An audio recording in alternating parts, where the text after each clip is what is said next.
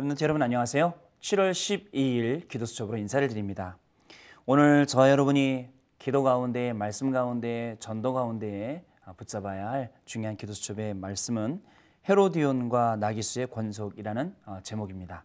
먼저 하나님이 주시는 성경 말씀을 같이 한 절 읽도록 하겠습니다. 말씀은 로마서 16장 11절 말씀인데요. 같이 찾아서 여러분 한 목소리로 읽도록 하겠습니다. 내 친척 헤로디온에게 문안하라. 나기스의 가족 중 주 안에 있는 자들에게 문안하라. 아멘.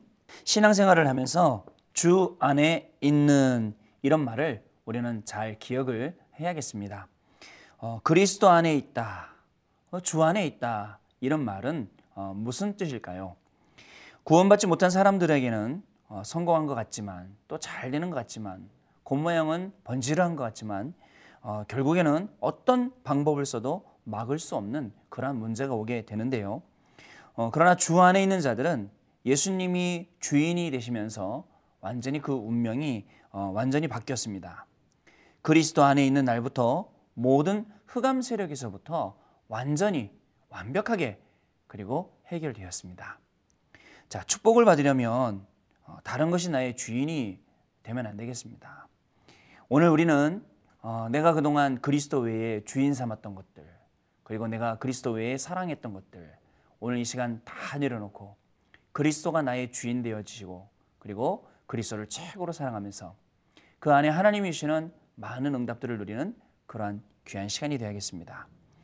무엇을 제대로 알아야 참된 응답을 어, 받을 수 있을까요? 오늘 기도 수첩을 하면서 정말 그리스도가 나의 주인이 되는 그런 모습은 어떤 모습일까 그려보고 오늘 내가 하는 공부 가운데에 학업 가운데에 기능 가운데에 삶 가운데에 그리스도가 나의 주인이 되면 어떤 일들이 일어날까 한번 그림을 아주 이쁜 그림을 그리고 멋진 그림을 한번 그려보시는 아, 그러한 날이 되었으면 합니다. 첫 번째로 예수님께서 공생의 3년 동안에 하신 것을 알아야 합니다.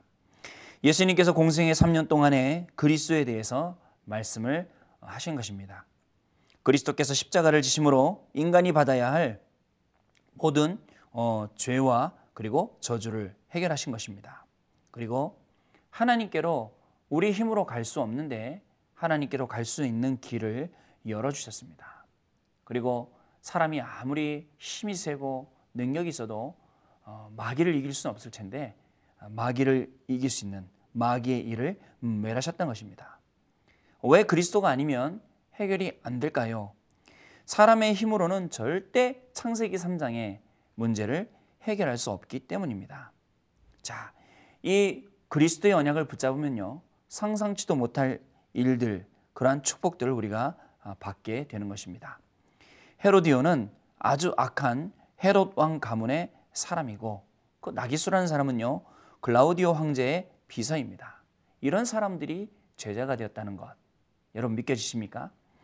그리스의 복음이 들어가면 하나님의 자녀로서의 새로운 응답을 받게 됩니다.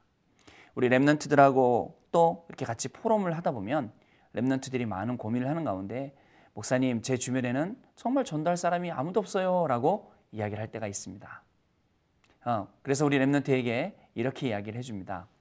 어, 복음을 받을 사람이 아무도 없는 것 같지만 정말 너 주변에 있는 모든 사람들은 복음을 받을 대상자다.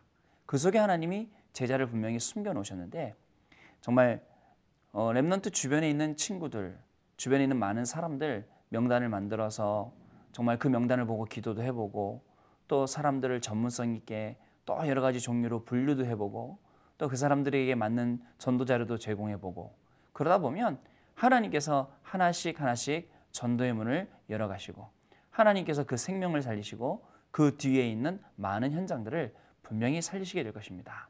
오늘 그리스도 안에서 하나님이 주시는 최고의 축복을 가지고 정말 어, 헤로디온 같은 아주 그리고 나기수 같은 이런 중요한 사람들을 찾아내고 세우는 렘던 최고의 축복된 하루가 될 줄로 분명히 믿습니다. 두 번째로 예수님께서 부활하셔서 주신 그 말씀을 붙잡아야 합니다. 부활하신 예수님께서 뭐 힘을 주시겠다. 너에게 능력을 주겠다 해도 아주 힘이 펄펄 날 텐데 아, 함께 하시겠다. 그것도 항상 함께 하시겠다고 말씀해 주셨습니다. 모든 민족으로 제자를 삼을 때에 그리고 온 천하에 다니며 만민에게 복음을 전할 때에 말씀으로 성령으로 우리와 나와 함께 하겠다고 약속을 하셨습니다.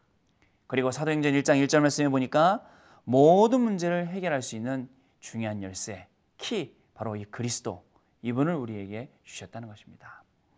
두 번째로 사도행전 1장, 1장 8, 3절 말씀에 보니까 이 열쇠를 가지고 있으면 하나님의 나라가 임하게 되는데요. 이 그리스도의 비밀을 가지고 정말 짧은 시간이지만 오늘 기도 수첩하면서 하나님의 말씀을 묵상하고 오늘 나의 스케줄을 점검하면서 어떻게 전도할 것인가, 누구를 전도할 것인가, 어떻게 기도할 것인가 이런 선한 고민을 하는 우리 렘넌트들, 선한 고민을 하는 우리 전도자들이 가는 곳마다 분명히 그리스도의 이름으로 하나님의 나라가 임하게 된다는 사실입니다.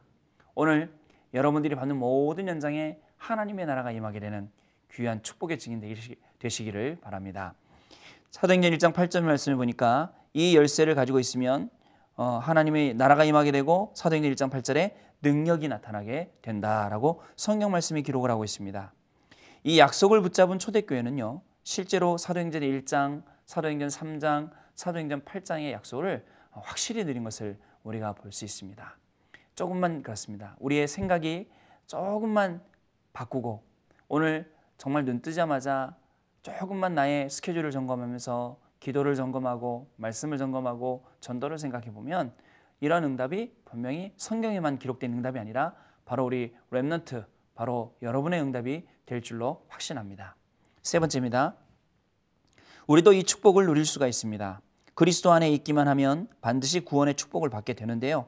개인뿐만 아니라 가정과 가문 그리고 모든 만남까지도 축복을 받게 됩니다. 그리스도 안에 있으면 하나님의 모든 축복을 받게 되는데요. 이 축복을 부활하신 예수님께서 약속하셨고 그리고 지금도 성취하고 계십니다. 그렇습니다. 우리는 이 하나님이 주시는 이 중요한 약속을 붙잡은 약속의 자녀들입니다. 분명히 이 약속을 붙잡고 가는 우리 렘넌트들의 걸음에는 정말 많은 이 약속들이 응답으로 성취될 것이고 또 우리 렘넌트들은 증인으로 또 다른 많은 사람들과 현장들을 분명히 살리게 될 줄로 저는 믿습니다. 여러분 오늘 렘넌트들이 밟는 현장, 렘넌트들이 가는 모든 현장, 그리고 렘넌트들이 하는 일, 렘넌트들이 하는 모든 만남 가운데에 우리 렘넌트들은 개인화가 되어지고 그리고 우리 렘넌트의 모든 만남은 제자화가 되어지고 여러분이 받는 모든 현장에는 지귀에 걸리는 그런 중요한 응답이 그리고 이 중요한 응답 가지고 최고로 하나님께 영광 돌리는 귀한 렘넌트의 하루가 되기를 소원합니다. 오늘 포럼의 주제는요. 나는 과연 어디에 있나요? 주 안에 있으면 구원의 축복을 받게 됩니다. 오늘 하루 주 안에서 새로운 시작을 해보세요. 그렇습니다. 어, 여태까지 안 되었더라도 또 새롭게 시작하면 됩니다. 또 짧은 거지만 아주 작은 거지만 잠깐만이라도 우리의 생각을 바꾸고 올바른 생각을 하고 훌륭한 생각을 하고 성공적인 생각을 하면 분명히 주 안에서 되게 되어 있습니다. 이 축복을 누리시는 귀한 삶이 새롭게 시작되는 하루가 될 줄로 믿습니다. 기도하겠습니다. 하나님 아버지 참으로 감사를 드립니다. 우리 귀한 렘넌트 한 명 한 명을 귀한 복음으로 개인화시켜 주시고 또 우리 렘넌트 주신 모든 만남을 통해서 제자를 세울 수 있도록 해주시며 또 우리 렘넌트가 가는 모든 현장에 중요한 하나님의 나라가 임하게 하시니 참으로 감사를 드립니다. 오늘 우리 렘넌트들이 조금만 기도하고 현장에 나갔는데 또 분명히 하나님 주신 약속을 이 약속을 분명히 믿고 나갔는데 정말 이 말씀이 성취되고 응답되며 우리 렘넌트들이 증인으로 서게 되는 그런 귀한 하루가 되도록 주께서 성령으로 역사하여 주옵소서. 우리 주 예수 그리스도 이름으로 기도드립니다. 아멘.